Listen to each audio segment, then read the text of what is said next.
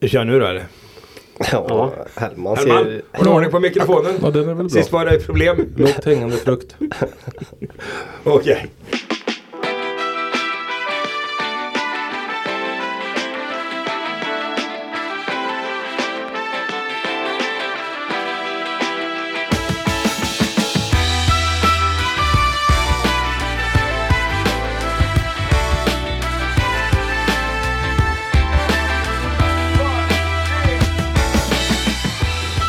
SLA Sportpodd.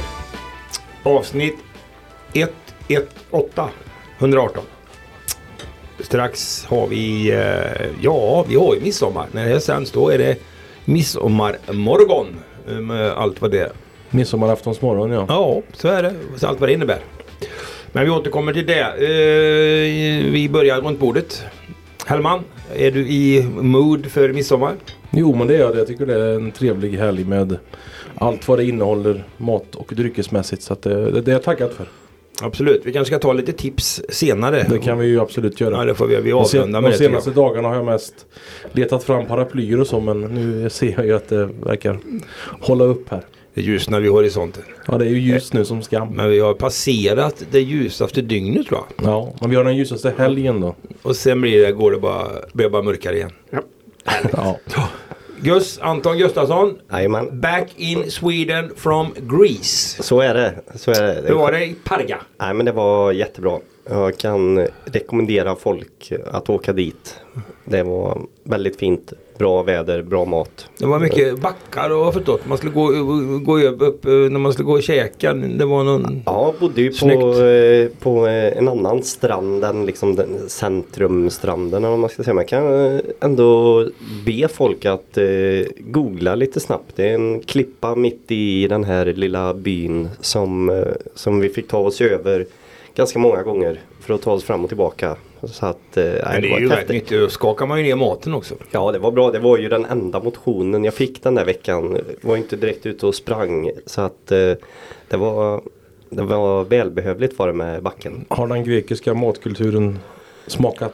Ja, Alltså efter några dagar är man rätt trött på tzatziki men hitta någon slags grekisk pepparsås som eh, efter några dagar där som eh, lyfte det för mig. Så då vet du, det var samma mat men med en annan sås och det kan, kan man ju komma långt med ibland. Ja absolut. Alltså souvlaki och grekisk sallad. Ja, gyros och grekiska köttbullar har jag ätit. Men jag har ätit en del annat också. Moussaka. Pasta och vad du som brinner Linus för musslor var en paella Okej. med lite musslor bland annat. Väldigt bra. Skaldjursmässigt. Ja. Ja, Paella, men det var ju, det är väl i Spanien? ja jo, det Grekisk? Ja, nej jag vet inte. Nej, Jag- men det var något sånt Det var så det blev. Fiskar kanske där också. Ja Ja. men det låter som Hellman skulle trivas. Han gillar ut och gå i berg och sådana. Han är ute på sina cykliga resor. Eller hur? Ja. Nej men jag benämnde det ju som en medelhavspärla. Det såg jag att du själv hade gjort också. Jajamän. Ja, det var härligt. det var det. Det var fint. Det var jättefint. Så nu är du rustad för arbete. Åtminstone fyra veckor framåt ska Absolut. du hålla på. Innan Absolut. vi får semester. För Mattias Olsson, Ja. han har börjat, han gör som Hellman. Han, han, han kör nedräkning mot semester. Ja, precis. När det här är sänds och hörs så är jag på semester. Jaha, vad, vad är du då? Ja, i början är jag nog eh, att fira midsommar med mina föräldrar tror jag. I Källby? Ja, så blir det. Det är ju vad jag förstått. Det finns varken, det finns inget, inget bredband, ingen tv, inget, det finns ingenting där. Ja, och en TV finns det. Lite oklart eh, vilka kanaler som... Ja, TVn funkar utmärkt men det är lite oklart med kanalerna. Skogs-tv som man brukar säga så va? det är eh, back till eh, grunderna. Jag tycker det låter sunt faktiskt. Skulle egentligen åka helt utan någonting. Ja. Om, men det går, ja, nej det klarar man inte. Nej, så är det ju faktiskt. Nej men så är det, men det får vi se. Och för egen del då. Eh, Janne Larsson ska ju åka till Kalmar. Trevligt. Ja precis. Det blir lite midsommarfirande i Kalmar och förmodligen en sväng ut på Öland. Det lär det ju garanterat bli. Jag har fått, redan fått tips från Hellman som har ju också varit i Kalmar och ska ty- tydligen bo på samma hotell som du har bott Ja på. du ska göra det ja. Precis. Och det, är helt, och det var helt okej tydligen. Det är helt okej. Centralt beläget mitt i Kalmar. Jag firade ju nationaldag i Kalmar för två år sedan mitt under pandemin med alla de begränsningar det medförde. Men man, ja, vi roade oss ändå så mycket vi kunde. Och vi vet ju att Hellman bor inte på några skumraskhotell så att det här är goda Du kan känna faciliteter. dig trygg. Ja. Och och så var det någon fin park pratade vi om där va? Vid Ja. i slottet. Slottet får du ju besöka. Ja, det får vi göra. Nej, det ska bli spännande. Jag har inte varit så mycket i Kalmar. Jag har varit på hockey en gång där på för 104 år sedan. Och sen har jag varit på fotboll. Guldfågeln. Nej, det var när. Skövde AIK 87 spelade i... Fredrik Skans? Jajamän, Fredrik, Fredrik Skans. Den är, jag vet inte om den är riven eller? Ja, det, jag tror, Nej, jag tror det men var jag är nästan inte säker. K-märkt va? Ja, det är den. Ja, Ja. Ja, jag är inte helt säker. Nej, men ja, det är ju klassisk mark alltså. Ja. Så men nu heter det Guldfågeln Arena då. Jajamän, jag har varit där. Samma här. Men det är en bra arena va? Ja, den är jättefin. En sån kan det vara i Skövde också, inga problem. Ja. Nu är vi där igen. Nu är vi där igen. Nej. Men som sagt vad bra. Nej, men vi märker ju som vi kommer att klara oss bra. Men jag, vi, är inte, vi brukar ju klara oss. Så att det är jag inte orolig. Eh, jag tänkte det är ju.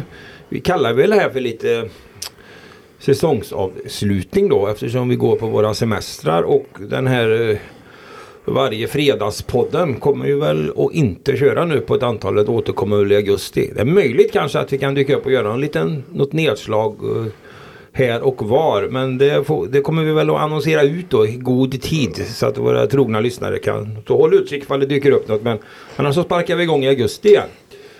Och då tänkte jag så här, utan att nu är det ingen här utav er som är förberedda på det överhuvudtaget. Men jag funderar lite grann på, vi kan titta lite bakåt. På, eh, framförallt på den vårsäsong som vi har haft. Lite grann. Eh, om vi har någonting som har satt sig på näthinnan. Både i positiv och negativ be bemärkelse. Jag kan ju börja först då eftersom jag har förberett mig själv. Så kan ni ju tänka lite. Nej men eh, för min del tycker jag att det största som jag upplevde liksom som kändes i hjärtat sådär på när det gäller idrotten. Det var ju Eh, den eh, parallellslalomtävlingen då i SM-veckan. När man då framförallt det här eh, den här eh, grejen där jag hade förmånen och fick vara med och dela ut SLA-plaketten till Aron Lindström, para eh, alpina skidåkaren där. Och eh, hela den grejen då i solskenet och det var ju massor med folk på plats och hela grejen blev väldigt lyckad eftersom eh, han kom ju ner och vi hade gjort upp det här. Det var ju han Hans Olsson då som är eh, ganska känd som kommentator i olika kanaler på OS och så. Som var där som speaker och sa ja vi tar det sa han då vid tillfälle. Och när han dök upp så blev det ju ganska hastigt där att eh, vi tog honom direkt. Faktiskt på uppstuds också. Och, eh, och jag fick mikrofon och vi, han gjorde en intervju och vi pratade. Och, och hela publiken skanderade Aron, Aron, Aron. Och han har ju själv sagt efteråt att ja, det är nog det finaste pris jag fått och den är fantastisk uppvaktning. Så att en sån där grej känns ju då tycker jag i Skövde och i solskenet på SM-veckan.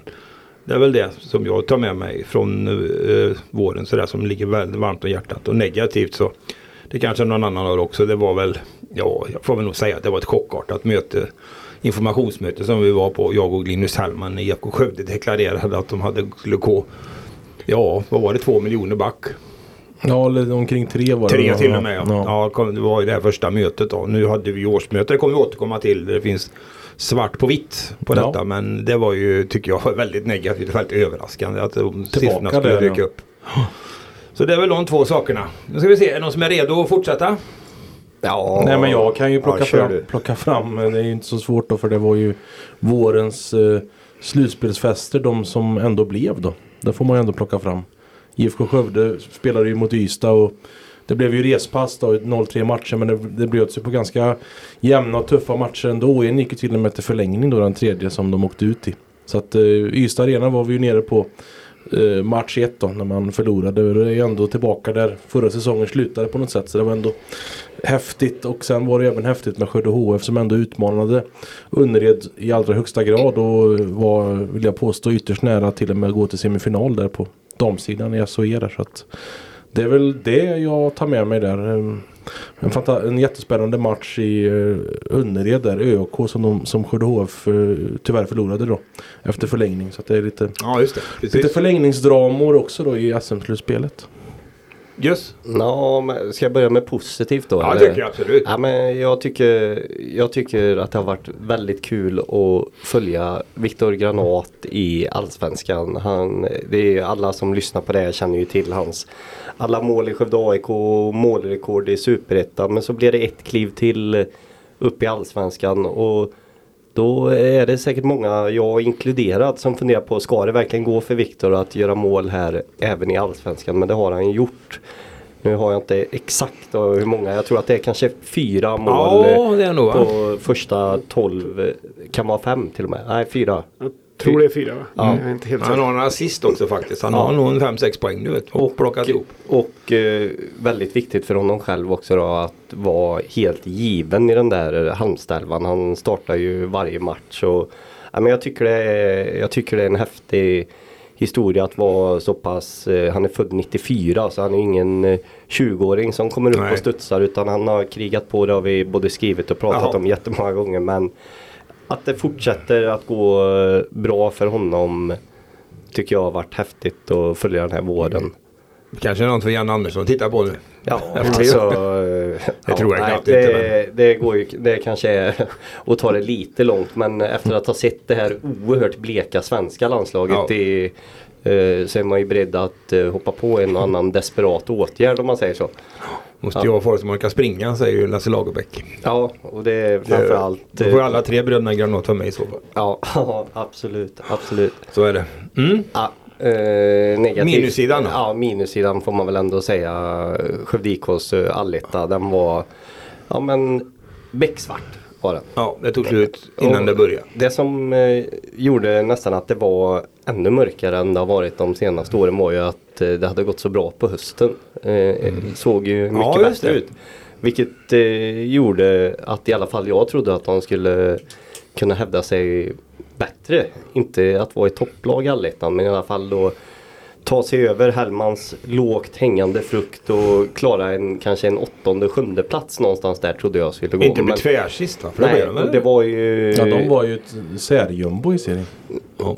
Så att det var ju totalt då 8 poäng i den där allettan på 18 matcher och det Det var väl rekorduselt. Ja det var trots Ja, att alltså- det blev Ja trots att det blev så eh, att det återigen blev en missad eh, eh, playoffplats så var det ännu sämre än vad det har varit de tidigare gångerna man har missat playoff. Så att det var väl Ja, en eh, negativ eh, överraskning för mig får jag ändå säga. Absolut. Ja, nu har vi tömt det mesta. Men Ja, det. Ja, men jag, ingen fara. jag, Du har jag har hittat lite grejer som Det jag är inte har sagt. Sverige-Österrike fotboll. Nej, Nej, den, den är inte med. Den är väl rätt lågt bort från just den.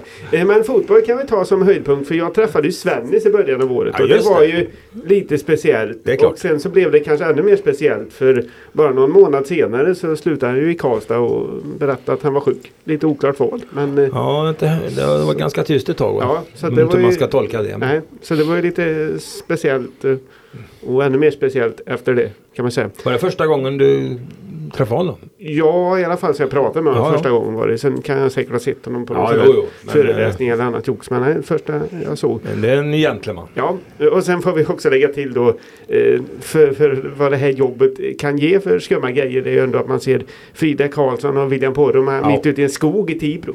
Det är ju liksom Ja, sådana grejer som man liksom inte riktigt räknar med ska ske. Och det är ju lite speciellt också. Det är stort. Ja, exklusivt också. Där var inte den här kampen med alla eh, andra journalister för att få prata med Frida Karlsson. Ingen mixad zon. Nej, det var ju, det var, ju- var ju bara jag och... och så att, det var ju ja. reklamjobb där som de Ja, håller på med precis. Mio. De var Ja. i Rankås och sprang Precis. med personalen va? Ja, ja, jätte, Det var ja, det väldigt blev jättebra grej. Den har varit väldigt uppskattad. Det har vi sett Ja. också. Så att, eh, Jo men så är det. Så det var ju lite fräckt. då har vi på minussidan då. Ja, minussidan får jag säga på att jag var ju på en eh, väldigt eh, skum hemmamatch när jag var i Borås då.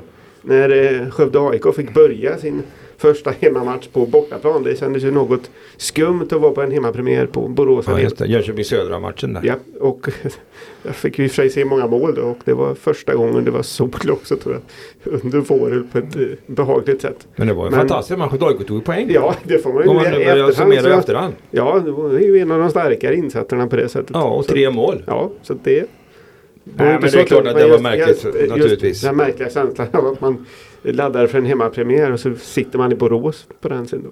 Ja, nej men absolut. Och nu är inte Skövde AIK med på varken våran toppen eller botten utan det har ju svävat omkring här så vi får väl se var, vart de landar i höst. Men Ja, det är ju en negativ överraskning. Ja, även, om, även om man trodde att de skulle få betydligt jobbigare så, så är det. såg jag inte riktigt det ändå så. Nej, precis. Om vi tar, pratar podden då, vad har vi haft för, har vi haft en kul, vad har vi haft som var roligt i gästväg här?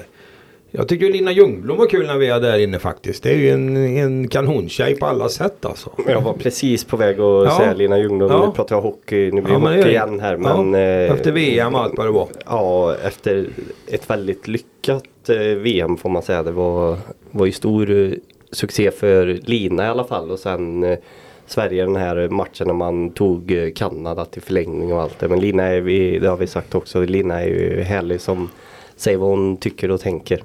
Ja, vi satt ju med henne du och jag här under nästan en timme. Pratade ishockey och, och livet om allt möjligt. Så att det är väl det vi ska hålla på med. Så Vi hade, väl. vi hade även Carl Pontén här som gäst. Ja, som just var det. Ja, det var ju också bra tycker jag. Innebandy. samtal som även tog sig på lite andra vägar än bara innebandy. Så att. Ja, så är det ju. Sen, sen kanske får man väl ändå lyfta fram att vi flyttade ut och sände live. Det är ju ändå Just ganska... det, nästa veckan. ja.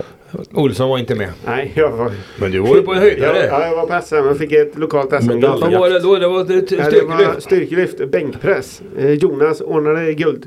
Vad hette han nu? Du kommer ihåg namnet? Jonas Jonsson tror jag Från efternamnet var. Tibro? Ja, så var det. Absolut. Och sen var det var det sån här cykel inomhus. Ja, det är med. Det var ju, och det var ju också lite fräckt för alla hade väl på förhand eh, räknat med Norén där eh, som en het eh, medaljkandidat i den här e-cyklingen.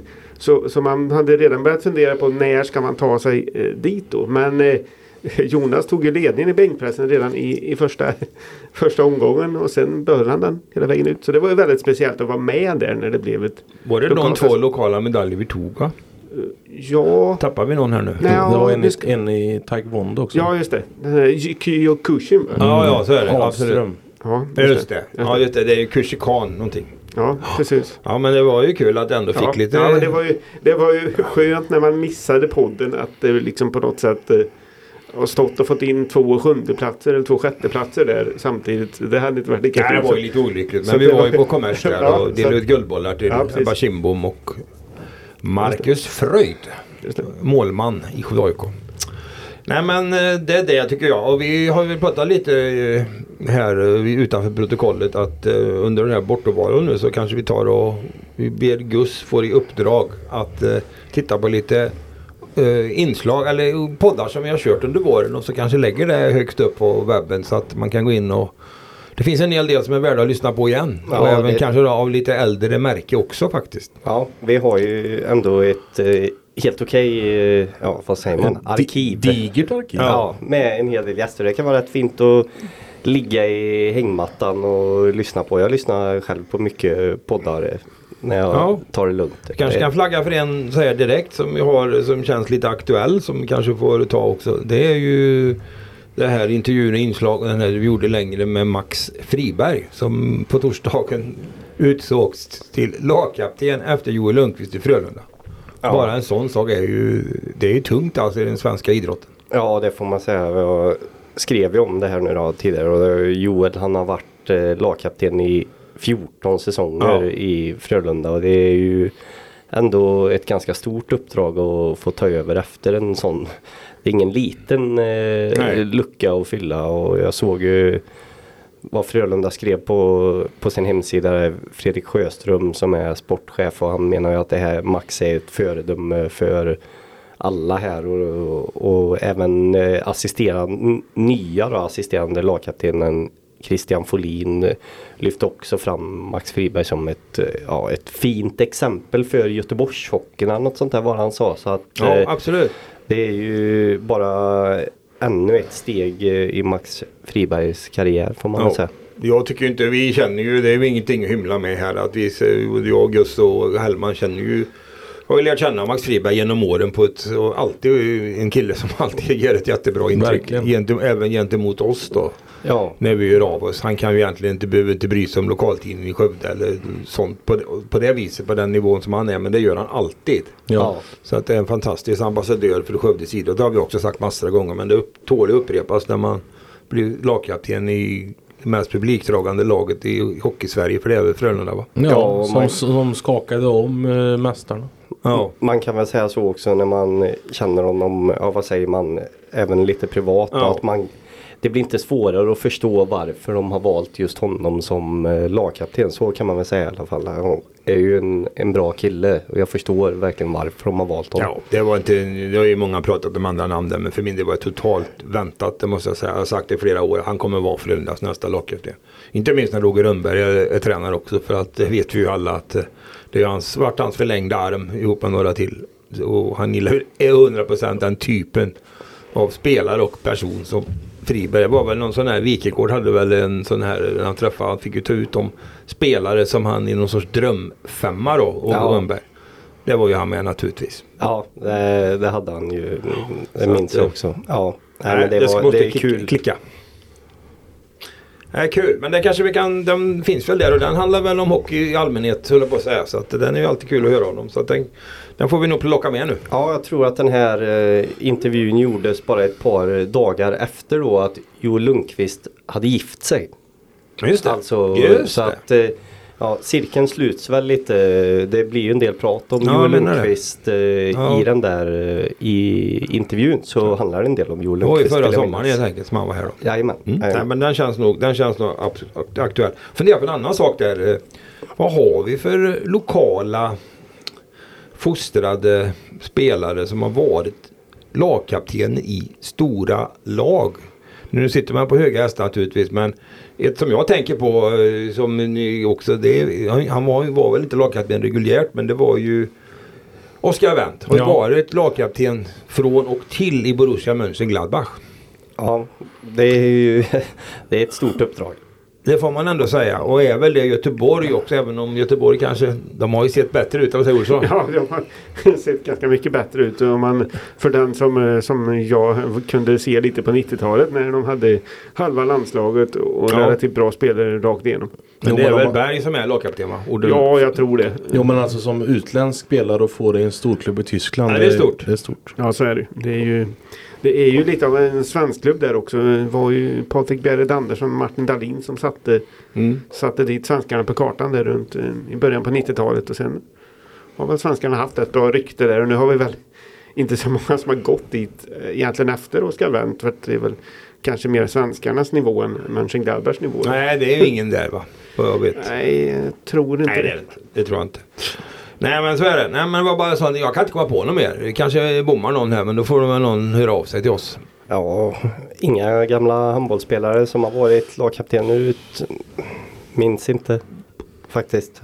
Hellman ser helt förskräckt ut. Ja, nej, jag, kan hade inte räknat med detta. jag så kan inte komma på något. kan inte eh, erinra mig Nej det men här, eh, vi förbereder oss ju inte här. Nej, vi jag kör ju bara. jag vet, men jag kan inte erinra mig det. Nej inte jag heller. Jag Utan, skulle kunna tänka mig att eh, om i hockeyn att Kristoffer Söder har haft någon typ av assisterande kaptensuppdrag nere i Karlskrona. Men jag vågar faktiskt inte svära på det. Då. Nej, just det. var ju ändå SHL också får man ju säga. Och det vet jag ju också när vi Anton Strålman har varit assisterande lagkapten i Tampa Bay Lightning. Ja. Tror under två säsonger. Faktiskt att eh, det är tunga uppdrag. Och framförallt känns det ju som i hockeyn är- verkar väl som lagkaptensrollen är eh, kanske viktigare än i många andra lagsporter. Är det inte det eller? Eller jag fel eller? Nej, jag skulle säga att eh, det är nog viktigare med en lagkapten i till exempel hockey än i fotboll. Jag vet inte, det är mycket med, det blir, jag vet inte, det känns som att man pratar mer med domarna i hockey Ja, än i lyfts ju, fotboll. lyfts ju fram i alla fall. Ja, och det är väl något med det här. eh, Ja men kapten ska ju alltid fram och prata med, alltså när det blir oklara situationer Ja. och, och, och så va. Ja, och det tycker jag är mer i hockeyn än i fotbollen. Och det, det, är känns... ju överläggningar lite här och var. Ja du gillar ju sånt. Nej det gör du inte. Jag vet och det. i i NHL-hockeyn är det väl krav på lagkaptenen att eh, ställa upp för media efteråt. Tror jag. För jag vet, man snackades det alltid om när Mats Sundin var lagkapten i Toronto. Just att han var väldigt bra på det där alltid var där. Och det var en del av att han passade så bra. så Jo, att det, men det den, för. den transparensen som finns i NHL den uh, vore ju önskvärd på lite fler ställen om man säger så. jo. Ja. Nej, men det, ja men det ligger nog sådana uppdrag. Så vet inte jag, du har ju spelat i hockeylag. Jag vet inte om lagkapten kanske inte så. Har de lite hand om kanske eh, se till så tider, passa uppvärmning, gå på is och sådana här grejer eller? Som jag har förstått det så har ju i alla fall då om vi går tillbaka till Max Friberg här Ja. och Frölunda så har ju Joel Lundqvist varit i princip ansvarig för eh, resorna med ja, när de ska vara på plats på Ja. hotell. när de ska äta frukost, när de ska Det blir liksom väl ett göra... språkrör då för spelarna? Ja, det är den man jag pratar vet- med, jag, tänker jag. jag vet att han har haft enormt stort eh, inflytande i det. Just allting runt omkring när laget är samlat då, till matcher och, och så vidare. Sen vet jag, eh, jag vet inte om Max Friberg kommer ta över det i Frölunda. Det tror jag eller om nog. Joel, eh, eller om eh, Roger Rönnberg nu vill bestämma mer. Det, Det tror inte jag. Men Eller vet säkert vi inte. Vi får han- fråga Max. Ja, säkert enkelt. kommer han ha mycket att säga till om givetvis. Han var väl också förresten lagkapten i Montreals farmarlag i AHL, eh, St. John's Ice Caps. Det stämmer. Eller hur? Det stämmer. Ja, så att, eh, nej, det var ett jättekul val och, och det var kul att kunna prata med en sån aktuell sak också. Då, så att, eh, mycket bra utav Friberg. Han fortsätter. Han kör väl några år. Undrar om han kan spela lika länge som Joel om man får vara hel va?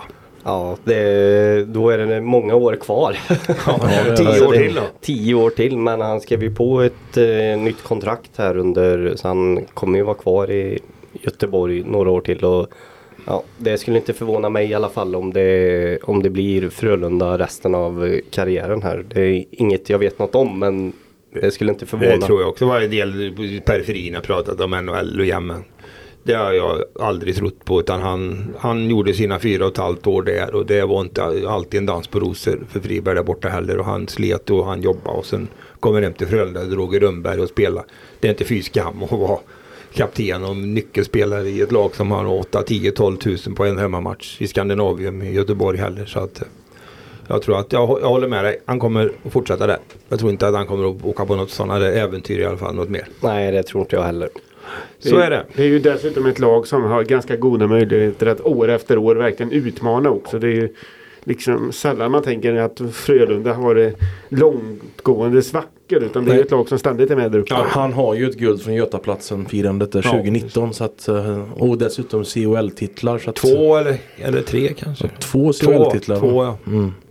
Och de är jäkligt, det vet ju, jädrigt besvikna att man inte, Ja, de- när man inte går hela vägen. Frölunda värdesätter ju den turneringen Ja. något väldigt och prioriterar den Ja. hårt. Och går man inte där tar SM-guld så är man också besviken. Ja, men, Man är inte eh, nöjd att vara två eller Nej, tre. och jag, ty- jag, eh, jag gillar ju det där att man, det är klart att Frölunda spelar för att vinna SM-guld. Ja, det är ja. ju enda målet. Det är det de håller på med problem- hela tiden. Problemet i år var ju att man eh, hamnade lite för långt ner i grundserien och fick svenska mästarna Växjö redan i en semifinal. Annars så var ju Ja. det den, den egentliga finalen i min värld. Det var ju väldigt mycket, hade de inte väldigt mycket skador och grejer. Det var inte ganska trassligt med laget under en period i grundserien. De tappade rätt mycket poäng där va. Ja, och sen eh, får man väl säga att eh, Ryan Lash också inte var lika bra som han har varit tidigare. Det var ju ändå ett tungt tapp för dem. Han hamnade i fjärde linan till slut. Ja, och nu pep han iväg.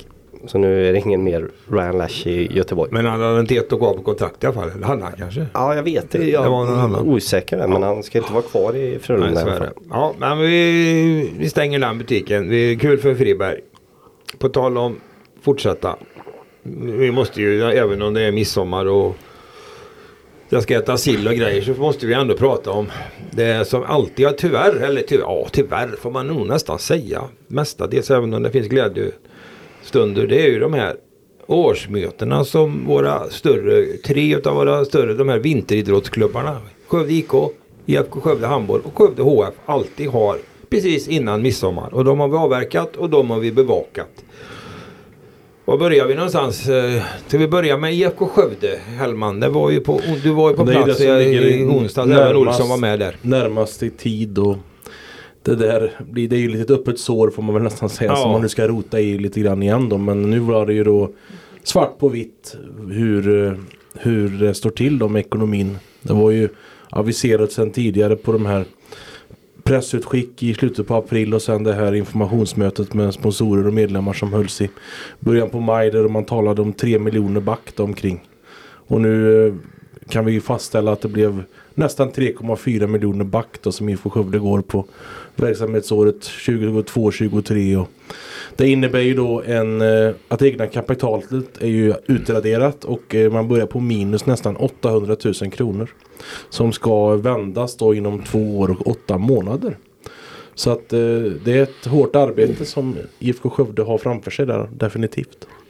Och eh, tittar man på budgeten så var det väl så att det var inte någon blixtvändning de hade tänkt sig va? Det- Nej, men man hade ju balanserat upp den nu då för man, man hade ju nästan utgifter nu på 20 miljoner i för Skövde som den här gångna säsongen då.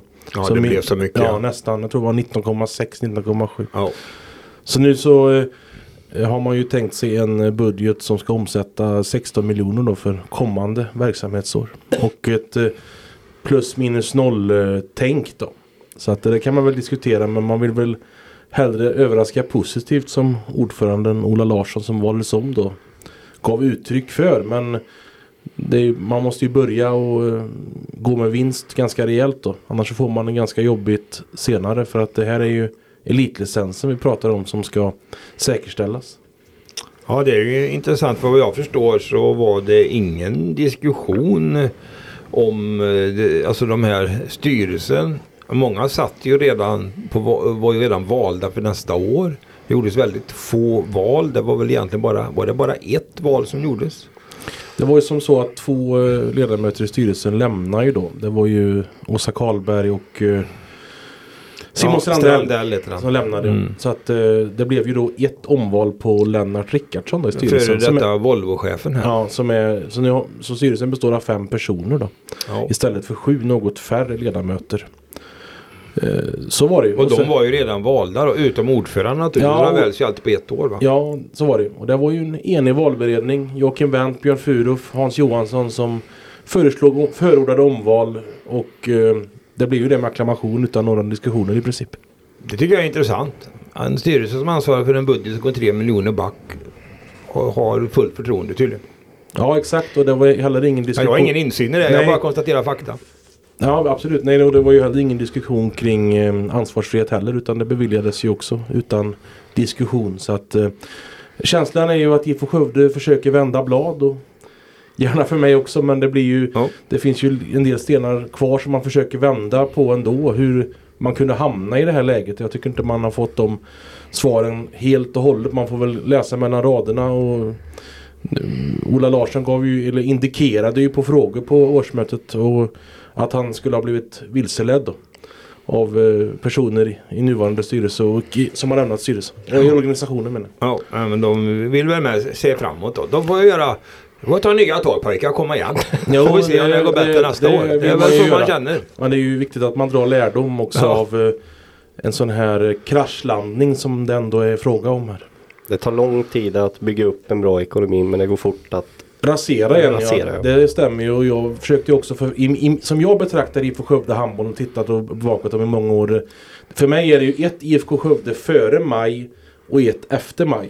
Jag menar maj månad. Det här kom beskedet med de här tre miljonerna. Vi har tränare som man hävde kontrakten med den Ja. isländske tränaren Magnusson. Eh, Man tog en hemvänd tränarlösning istället. Man eh, sa upp sin sportchef Ulf Nyström. Så att det, det hände ju otroligt mycket i, eh, i maj. Och eh, man, tittar man på föreningen så tycker jag det finns ett före och ett efter. Och nu handlar det väl om också att bygga upp den sitt, det är fortfarande ett starkt varumärke men jag tycker ändå att det har fått, det naggas ju i kanten av en sån här hantering som har varit eh, undermålig. Ja, precis. Och jag tycker väl också att eh, det är inte bara i handboll man gör det. Det gör man ju även i ishockey och har ju sett på en del håll att man tröstar sig med att det är många andra som också har det jobbigt. Ja, det kommer väl också synas så småningom men det är ju liksom det är ju det är verkligen en eh, klen tröst för tigerhjärtat att det går sämre för andra klubbar kan jag tycka. Ja, ja absolut så är det ju. Men eh, ja, det är som sagt spotta i nävarna, ta nya tag. Mm. Det är bara att önska dem lycka till och vad jag förstår så verkar det väl som att de ger ju signaler om att eh, de här eh, besparingar som kan drabba spelare, att man har gått med på dem. Vi vet väl inte. Det har, det har Nej, väl men, ryktats jag om var- summor va? Ja, det har ju snackats om summor, Procentsatser, jag och jag ställde ju ett, eh, lite påståenden och fick väl inga svar heller mer än Så man får, eh, ja, man får ju helt enkelt tolka dem själv och eh, då gör jag det här eftersom, det är min, eftersom jag inte får några svar då. Att eh, spelarna har visat lojalitet och då innebär det att man har skurit ner några procent i spelarlönerna. Inga stora grejer tror inte jag. Kanske, Nej, inte, kanske man- inte alla heller. Jag vet inte. Nej, Annars men, så ger man väl inte uttryck för sådana uttalanden. Det pratas väl om, eller det ryktas, då får folk hålla koll på att det, det är inget säkerställt. Nej, Men nej. Om det pratas om att det är 10 procent Någonstans som, runt 10 procent. Ja. som Ja. eh, obekräftade uppgifter får man väl säga. att Ja, man får ju inga svar men man får ju som sagt att spelarna har visat en stor lojalitet med föreningen.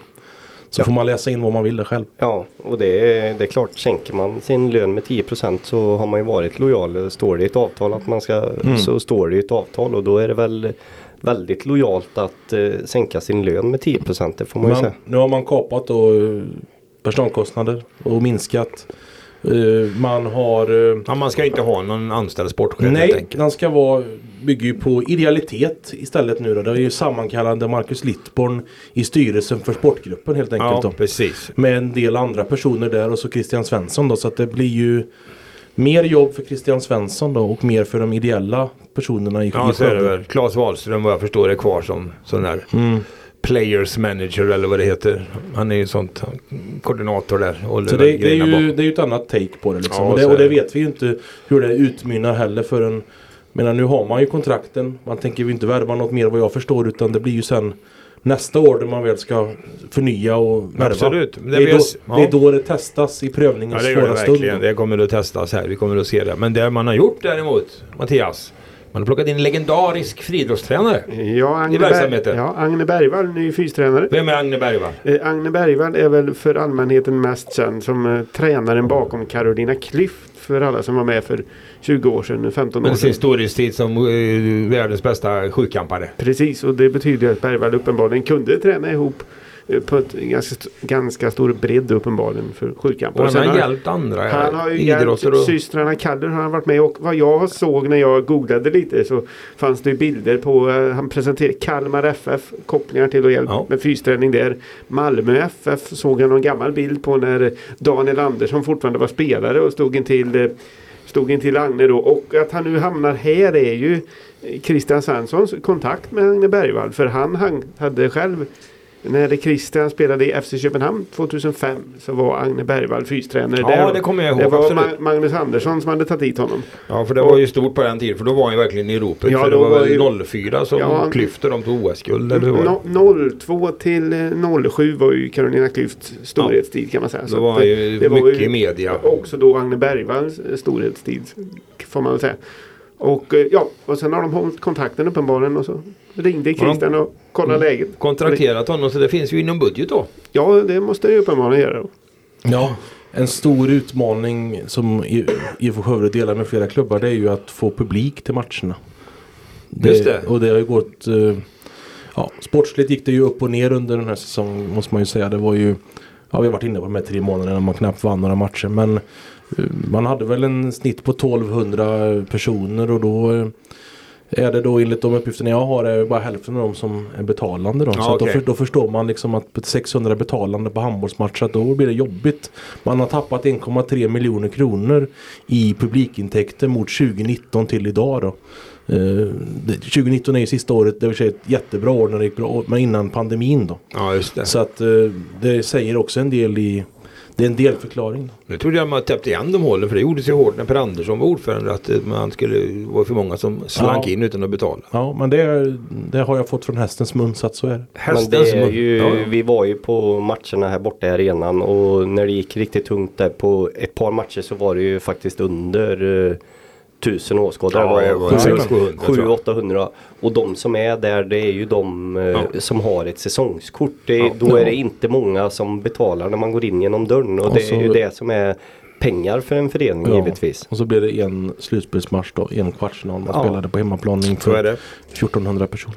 Ja. Det var det. Eh, vi går vidare. Eh, jag var på årsmöte i, i tisdags kväll. Då var jag på Skövde HFs årsmöte i idrottshallen. En eh, tillställning med, eh, ja, välregisserad tycker jag den var. Med eh, Anders Wik då, ordförande som valdes om. Det var väl ganska väntat. Han har ju drivit den här föreningen nu framåt under ett par år på ett lyckat sätt får man ändå säga. Det har ju blivit, eh, de hade ju väldigt fina ekonomiska resultat. Nu gick de ju också baklänges men eh, här är ju skillnaden då att man hade ju gjort budgeterat då redan från början. Det visste vi om redan från förra årsmötet. I den budget som lades så hade man lagt ett minus på 250 000 och det var pengar som skulle investeras i akademin när det gällde personal och annat då för man Kodoa vill ju satsa. De håller fortfarande kvar med sin devis 60% egna produkter i A-laget och då vill ju till att utbilda spelarna också. Och det är ju det man håller på med. Så att eh, nu gick man ju då drygt 300 då, så att man, så de räknar själva då att eh, 60 000 då. Var det ju det och det får man ju ta av sitt kapital då och man har ju liksom man hade ju ett eget kapital på 2,5 miljoner som nu är reducerat till 2,2 miljoner. Och det kommer man fortsätta att nagga lite grann på närmaste åren också för att fortsätta investera. Det är väl det. Så att det, min, eh, min uppfattning på det mötet var ju att det var en väldigt god anda och en framtidstro faktiskt. Och, eh, nya människor, organisationsrutor som ritades upp och ja, det kändes som att eh, man fortsätter och inte alls negativt så. Så fick man väl in en del bra folk tycker jag i styrelsen. Jan Karlgren som vi alla känner från drivande kraft och country har ju tagit plats nu i Skövde HF styrelse. Så att eh, de känner absolut eh, medvind. Och det är klart, men de gick ju 300 back fast det var 250 budgeterat. Jo, så att, men av balansräkningar och resultaträkningar ja. så får man väl ändå säga att det är den mest välmående klubben vi har i Skövde. Ja, med tanke på att de har 2,2 miljoner i eget kapital. Ja, det är ju det som är förutsättningen. Ja, för det är, då, det är precis så det är. Vi har ju pratat om det massa gånger och jag tjatar ju alltid om det. Att om man har ett företag så kan det ju inte räcka med att man bara går ihop. Man måste ju gå med vinst så man kan få pengar och, och göra investeringar på företag för att utvecklas. Det är ju så på det företag vi jobbar på liksom. Ja. Och budgetar läggs ju inte många gånger för att bara gå jämnt upp utan de läggs ju för att man ska tjäna pengar på budgeten. Liksom. Det är ju det som gör att när många gånger så ja, nu får vi nog spara. Ja, det är bara man når inte de målen som man har då.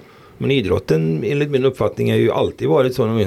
Man är så jäkla glad över att ja, vi gick 20 spänn plus. Liksom. Ja, det ja. är ju back alltså enligt mig. Men eh, det är klart det måste vara bättre att gå 20 spänn fram än 3 miljoner back. Jo, det jag ju också. jo det är klart men eh, det är det är många som, men ja, det är tajt för många. Det är tight, givetvis att det är svårt att ja, det är svårt att vara ett elitlag i handboll och gå jättemycket med vinst och även eh, ha, gå bra sportsligt. Det, det, det är tufft alltså. Då, det är Nej, klart men, ibland går man till finaler och då kan bli extra pengar och sådär. Men då vill också ha mer publik på sina matcher. De, även om de har bra fart där på sina, sina rödvita idrottshall så är de ju ändå publiksiffror. De hade ju satt upp något mål att de skulle öka, dubbla publiken och det från 500 till 1000 men det klarar man ju inte utan det målet fortsätter ju då. Så att eh, de, men de, det känns som de jobbar i en positiv anda i alla fall och där har man ju, som det har vi pratat om många gånger också, en, en tränare som är sportchef i Daniel Birkelund som jag tror att är, han är fantastiskt viktig och nyttig för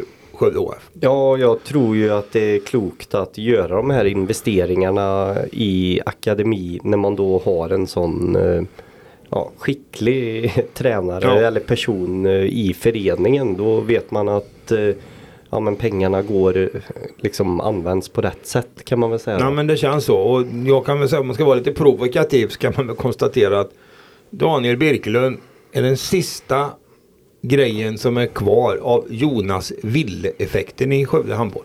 Han kom hit, då värvade spelare, man gick till finaler, man lyckades jättebra och byggde upp det här och han lockade ju Birkelund till Skövde HF. Och han är kvar och fortsätter. I Skövde kan man väl konstatera att ja, Håvard Åsen kommer tillbaka som målvakt nu men annars är det inte mycket kvar utav det som Jonas Ville byggde upp. Utan Nej. nu får man ju klara det på egen hand. På något vis. När det gäller Skövde HF så är det ju ett tydligt mönster. Det är ju en tydlig uppåtgående trend som man ser. Man har ju tagit steg, nu pratar jag om den sportsliga delen för A-lag och så. Man har ju återblivit ett slutspelslag. Bara en sån sak. Ja. Och dessutom nästan då aspirerat på en semifinalplats redan i år. Man hade ju inte spelat slutspel på sex år så att Bara det är ju liksom att få två hemmamatcher i ett slutspel. Ja, och han bygger vidare då. För det är inga spektakulära värvningar. Utan de behövde ha en målvakt när, när Anne Linde försvinner till Sävehof. Och då plockar Nej. han in en, en, en målvakt från Norge helt enkelt. Det är väl eh, lite minus till och med blev det nu då när man tyvärr fick ett tråkigt besked Ja, på det. Julia Aspelund Berg. Då. Absolut. Hon, men hon ska ju bli någon akademichef. Ja. Ja, jo, men, jo men Ja, jag absolut. men, med, men, med. på, men på planen alltså. Absolut. Det är, ju, det är ju där hon har spelat. Plockar de in en 17-åring. Tilda Recik då. Som kommer ett u-landslag nu va? Såg också. Det var lite kul. Ska ner Ja, till eh, Montenegro och spelare. spela. Men det finns ju också eh, då när ekonomin är så bra så finns ju möjligheter under säsongen att eh, om man ser Ja. att det behövs ersättas så finns det ju ändå pengar att göra det för. Här, Jo men nu eh, tror jag ju att Sjödehof fortsatt kommer kunna hävda sig väl alltså i SHE. Men jag bara betraktar lag från i fjol och det som har Mm. eh, i år då. Eller som ska komma nästa säsong. Han- även eh, Matilde Madden har ju lämnat för att Han, räk, han räknar kallt med att alla spelarna blir några procent bättre nästa år. Och då, em, det, är, det är planen, det är är helt Det övertygad får om. vi se. Det, just det, det är så bra med idrott för att man kan, vi kan prata här i dagar. Men det kommer alltid resultat. Ja. Ja, hittills går det ju uppåt. Så är det. Nej men det var positiv stämning på, på eh, KHF. Det är sammanfattningen och det känns som de ändå, även om de går back så är det något sorts, jag skrev det också, det är något kontrollerat eh, minus som man kalkylerar med och det finns pengar att använda till investeringar och det är det man håller på med. Kodiko då, hur går med investeringarna där tror vi då? För det var ju någon vecka sedan nu va? Ja, Ny ordförande? Ny ordförande. Ja, men om man tar ekonomin först då. Det är ju så många årsmöten här. Men man gick ju back med, eh, med 300 000 lite drygt då. Så att eh, man har numera då ett eh, negativt eget kapital på eh, några tusen lappar. Så det är ju ingen stor sak så. Men nu är det ju som så att i Hockeyettan har man ju bestämt vad licenskraven ska vara. Och då, man har ju kopplat det till en omsättning och eh, det är ju procenttal som hela tiden tickar upp. Och i år skulle det motsvara 5% av omsättningen som man skulle ha på i cash eller så. Och nästa säsong är det 8% och eh, följaktligen eh, 25 då 10%. Så att eh, det är ganska stora belopp som man måste ha in så att nästa säsong måste ju Skövde IK ha ett plus på 700 000 vilket är väldigt mycket att, att gå med plus för då för, för en sån ishockeyförening. Ja, ni har något så kallat kontrollår då. Här Ja, har det- man inte tre år på sig. Ja, det är möjligt men vi menar Nej, här är det ett år. Här är det ett år, ja, ja. precis. Sen, vet inte jag i slutändan hur skarpa de här licenskraven är då de facto. Fråga Kristianstad i Allsvenskan. Ja, men nu är det Hockeyettan och, det, och det, då, då får man ja, det, det ska De inte vara ja, ingen förmildrande omständighet men det är ju väldigt många lag som inte har de här, har några kapital heller Nej, överhuvudtaget. precis. och då får man ju ta bort de lagen i sådana fall från Hockeyettan. Det är kraven hårdare än i handboll. För handboll räcker det att du visar upp eh, en krona i plus i eget kapital i princip. Mm. Man Man får inte ha röda siffror. Man ledsnar väl en del i hockeyn på de här ständigt återkommande underskotten och då vill man väl att föreningarna ska bygga upp det här och kunna ha då. Det tycker jag är sunt faktiskt. Ja. Så att det är alldeles för mycket Men sånt eh, där. däremot så var det ju en ganska offensiv budget ändå då, när man pratade om att man skulle ha en omsättning på nästan 9 miljoner var det väl helt enkelt. Ja, Ja, den är tuff. 8,8. Den är tuff. Ja det är ju en eh, höjning då med en miljon i, i budget. Ja, den är tuff. Ja, den är tuff, ja. Vad heter han? Oskarsson? Ja, Erik Oskarsson som har varit ungdomsansvarig har tagit över klubban nu efter Alexander Fornsjö som lämnade efter sju år i klubben. Och har fått vara med om en hel del under de åren får man ändå säga. Ja, precis. Det var att- pandemier och eh, krig och inflation nu och dessutom då har- han, var han ordförande när Skövde IK till slut fick den där andra isytan som man har eftersträvat i så många år då när den väl Ja. invigdes i Billingehof då. Så att möjligheter finns. Eh, Jag citerar gärna, vad heter han? Min gamla Gunnar Blombeck. Det kostar ingenting att träna. Det är helt gratis Ja. i princip. Det är, Mm. Behövs inga kontraktspengar för. Man kan träna hur mycket som helst. Ja. Så att även om det kanske kostar några kronor i istid i kommunen. Så att eh, IK står på noll i princip då, minus 4000 kronor. Så är det. Men de har gjort lite uh, värvningar och, i vanlig ordning. Och det ska, Ska vara lite vara så. forward. Så. får vi se då om de kan flytta fram sina positioner. Finner väl att de har värvat haft en större omsättning Ja. än tidigare. Och det kanske man ska ha efter ett sånt miserabelt sportsligt år. Skidiko tycker Ja. jag har väl ändå det plus, största plusset som faktiskt, ja den är alla klubbar i Skövde. Det är att de har en potential att få ha väldigt mycket publik på sina matcher. Ja. Bättre än Skövde AIK i fotboll och kan hävda till och med att de har bättre potential än IFKs handboll också om inte de är absolut topplag. Alltså, ett IK som ligger med på övre halvan i allettan har uppåt 1500 personer på varenda match. Ja, så är det Och det är ingen annan som har det. Nej, det är en Ofta eh, väldigt mycket mycket publik. dedi- dedikerad publik som eh, också då eh, ihärdig återkommer. Alltså. Derbymatcher och toppmatcher mot Derby Mariestad med 3000 och Kommer ihåg just på den tiden du var med. Det var matcher mot Vita Hästen som drog 2-8 och sånt där också. Ja, så det absolut. finns alla möjligheter någonting i den Ja. fantastiskt fina ishall som vi har. Höstderbyt var ju fantastiskt häftigt i Billingehov att uppleva. Ja. Sen var det ju pyspunka i allettan för det gällde ju ingenting för den ena parten. Nej, och det är, det, det är därför jag tror det är många, väldigt många som vill gå på de här. Att Ja. Man, man vill gärna se framsteg och man vill gärna se playoff-matcher. Ja, för då för- alla förstår att då är det, då är det 2500 där och titta Ja, det är det alltså. Det är det. För det är det. Skövde IKs del så är det ju viktiga tycker jag om man pratar om sportsliga. Det är ju att det är steget som är det viktiga. Att man tar det steget så att man får kan bygga på en att man, vi spelar playoff att vi tog ett steg framåt i alla fall. För man nu alltså stått och stampat i fem år. Det, Ja, nej, nej. Så att kan man få någon match till då, då, så man märker framsteg. Sen ser man ju de enorma skillnader som är. Nu ska vi inte prata om att IK eller något annat lokalt lag ska upp i SHL. Men jag läste någonstans att de var väldigt stolta och nöjda i Modo. Har gjort ett väldigt bra. Gick upp där efter sju år och gjorde ett bra år. De, hade en, de omsatte 123 miljoner. Ja. 123 miljoner. IK de sliter med sju. Ja. Alltså det är sådana skillnader så det, man då- svimmar nästan. Och då ska man veta att det är ju i alla fall det är 6-7 år sedan Modo åkte ur Ja. SHL. Så Ja. det har ju varit en allsvensk klubb under många år och ändå Ja. är man en bra bit över 100 miljoner i omsättning. Så Absolut. steget upp till allsvenskan är inte litet i hockeyn. Det är till och med helt omöjligt att ta. För det första måste du bygga en hall för 7-8 tusen. Och ett näringsliv som, ja, nej det, det finns ju inte. Och det är fullt sjå med Skövde AIK ser vi ju.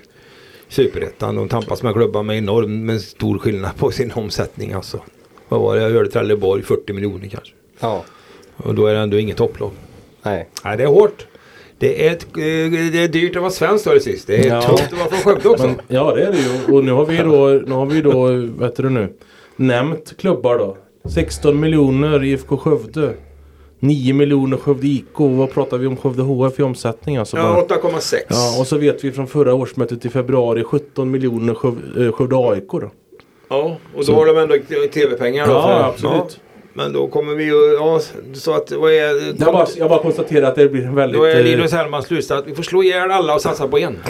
Kanske vi kan komma kon- någonstans. koncentration av maktstrategin. Då Nej, men jag, kan bara, vi få upp en 50-60 miljoner. jag konstaterar bara att det är ju fyra stora klubbar på lagsportsidan ändå som, Absolut. som, som det är de här summorna vi pratar om.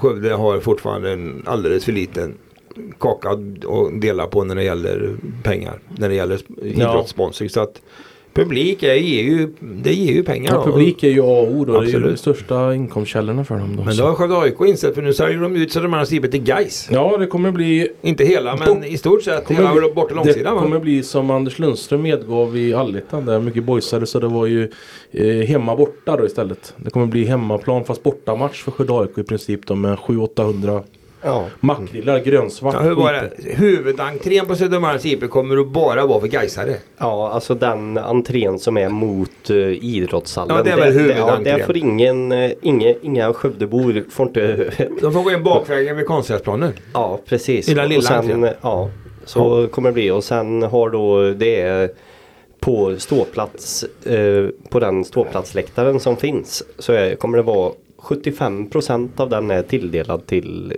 Gais då. Och det är redan ut, var det redan sålt Det är redan alltså? slutsålt. Ja, det, det, eh, det enda som finns kvar det är väl ståplats då för hemmalaget eller som det finns kvar en del av om jag Ja, förstod för det rätt. sittplats är också Slutsålt ja, så då kan vi nästan få den här lapp på luckan då de här Ja. 1900 var det nu, eller lapp på luckan är naturligtvis inte men som den är besiktigad för att ta in Ja, och just det nu då. lider man ju AIK att man är bara på en utomhuskarriär att kan ta in mindre publik än vad som går in i Arena Skövde. Ja, på en sån stor areal som ändå Södermalms Det har. Det är ju en enorm areal vi pratar om. Och Billingehov Alltså, publik... person, alltså person per ja, ja, ja. areal. ja, per ki- kvadratkilometer. Ja, Det är herregud. nästan så att den är, vad heter Den det? är nästan coronasäkrad. Exakt. Och då vet man att Billingehov tar in 3400 är publikkapaciteten i Billingehov. Ja, det är nästan dubbelt mot Södermalm. Ja. Det är svårt att få in i huvudet Ja, faktiskt. det är ju hopplöst alltså. Men, men, den, men den nya arenan ska ju ha 3100 platser. Så att, Ja. Vilken ja. nya arena? ja, den som... Fotbollsarena? Den fotbollsarena som ska tillkomma. Eller en, eh, har du sett den inom budget?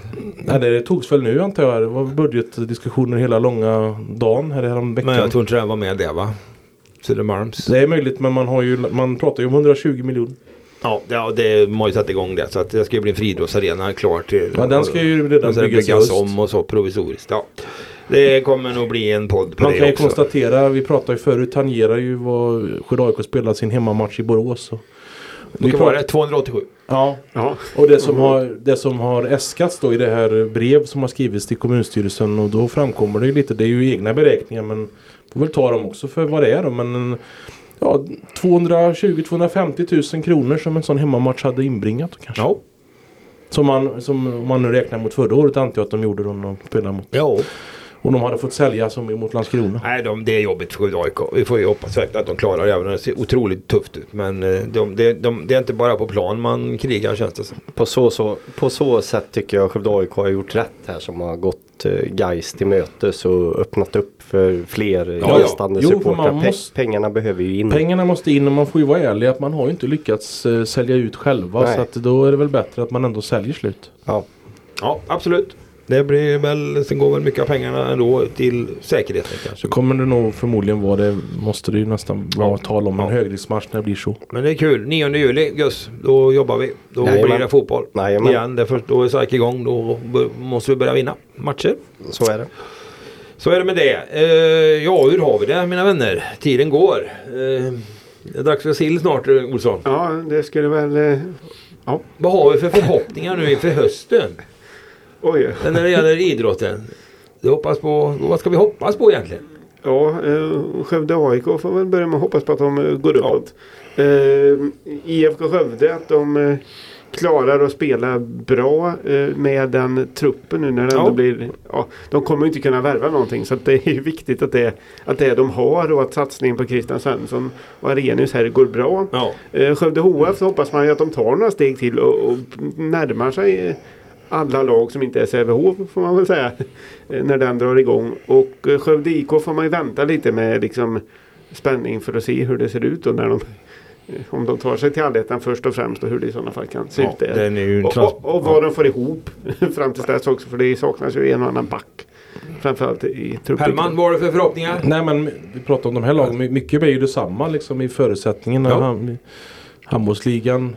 Både för damer och herrar skulle ha samma namn nu såg jag i och för sig. då, Men det, är ju, det är ju de här matcherna och Skövde IK hade ju samma spelformat också till slut. Så det är ju en grundserie som det är ju samma lag som kommer återvända till. Billingehov även i år. Något uh, nykomling som vi hade va? Som Vad tror vi om Falu, eh, eller- samhället i stort då Hellman? Vad har vi för förhoppningar där? Samhället i stort. Det var en stor fråga som kanske men du vill ha stora Jo men du får specificera lite då om det nu. Nej men eh, konungariket Sverige. Ja, det är väl eh, Det är väl ekonomin, vad som händer med inflationen. Det är ju den som Ja. Inflationsrisker, inflationskrisen, det är väl den som Då får man ju kolla på till hösten. Det kommer ju vara kräftskiva på Harpsund för ministrarna efter att finansministern har gjort sin dragning Ja, ja. och talat om vad reformutrymmet består av då som de sen ska fördela i olika var, satsningar. jag läste en intervju med statsministern. Inga skattesänkningar och satsning, mera bygga mera vindkraftverk. Det låter ju Ja. som en typisk moderat politik. Ja precis, det, det är väl också det som de har kanske fått kritik för. Men det, det är väl mycket som... Alltså, bygga kärnkraftverk också jag ska inskjuta Ja, rättvis. alltså det är ju så. Det finns väl vad ska man säga, oändliga saker som be säkert behöver investeras i. Men ja. resurserna är ju inte oändliga. Då. Personligen hoppas jag på att, men det är väl omöjligt att vi skulle få en, eh, någon starkare kronkurs va? Nej det är ju verkligen och nu har man Det är omöjligt va? Omöjligt. Det är ju nu, därför så har ju diskussionen kring euron kommit upp igen. Det är ju drygt 20 år sedan, eller det är väl 20 år sedan i år sedan folkomröstningen. För euro som det blev nej till då. Men vad skulle det innebära för Sverige om vi införde euro tror du? Ja, vi skulle bli sammankopplade med EU Ja. på ett annat sätt. Få en större roll. Ännu dyrare allting i Sverige då. Ja, det finns väl en sån risk också. Det finns ju också en risk med en svag krona. Nu är Ja. inte jag nationalekonom men Ja, svenska, fo- svenska folket får ju ställa sig den frågan igen två decennier senare. Då. Det är ju ett antal länder i, fortfarande inom EU-medlemskapet som inte har euron. Men eh, med, alltså 20 av 27 har ju vad jag förstår eh, euro. Så det har ju blivit ett EU i olika hastigheter då. Va? Om man inte är med i den hela Ja. när man inte har hela försäkringen så att säga. Med hela, köper hela paketet så blir man ju lite sidsteppad. Men vi har väl klarat oss bra för vi har ju sunda offentliga finanser i Sverige. Ja, så är det ju. Men jag tänkte på en sak sist där och den var, tycker jag var lite intressant. Det tänkte jag på efterhand faktiskt. Du, jag frågade vilka länder man skulle åka till. Och det är ju länder då som inte har euron. Ja, som det är fortfarande ganska prismässigt. Ungern är ju billigt fortfarande. Och Ja. Polen också pratar vi väl om. Jag pratade med Skövde HF tränare Daniel Birkelund för han skulle ju åka till någon sorts sommarhus eller någon stu, hytte eller vad säger de i Norge? Utanför Bodö. Och då pratade vi med Norge då men du pratade vi lite om det. Han, de tycker ju inte att de får någonting för sina pengar de heller längre. Nej, och kronor. Norska och kronan, eh, Den pendlar ju och ett tag var ju till och med den svenska starkare än den norska. men priserna är väl högre i Norge? Det lär de ju vara. Kostar en öl på Nu, Ackers nu har brygga? inte jag varit där men jag var där förra våren och då betalade jag väl en eh, över 200 spänn för 60 centiliter eh, öl av eh, modell Ringnes tror jag det var jag köpte. Du börjar komma upp i sina rätta värde Linus. Ja, det får jag göra det. Man får väl betala för den utsikt man får då, den plats man sitter på. Ja så är det. Nej, det ja, det Nej men det är väl det som, som Ja, är. Och sen, det är, väl det, inget och sen är det väl kriget som man alltid lär, få, få, lär fortsätta liksom. Ja det det, lär ju fortsätta. det ska vi inte... Så, det är ju som det är.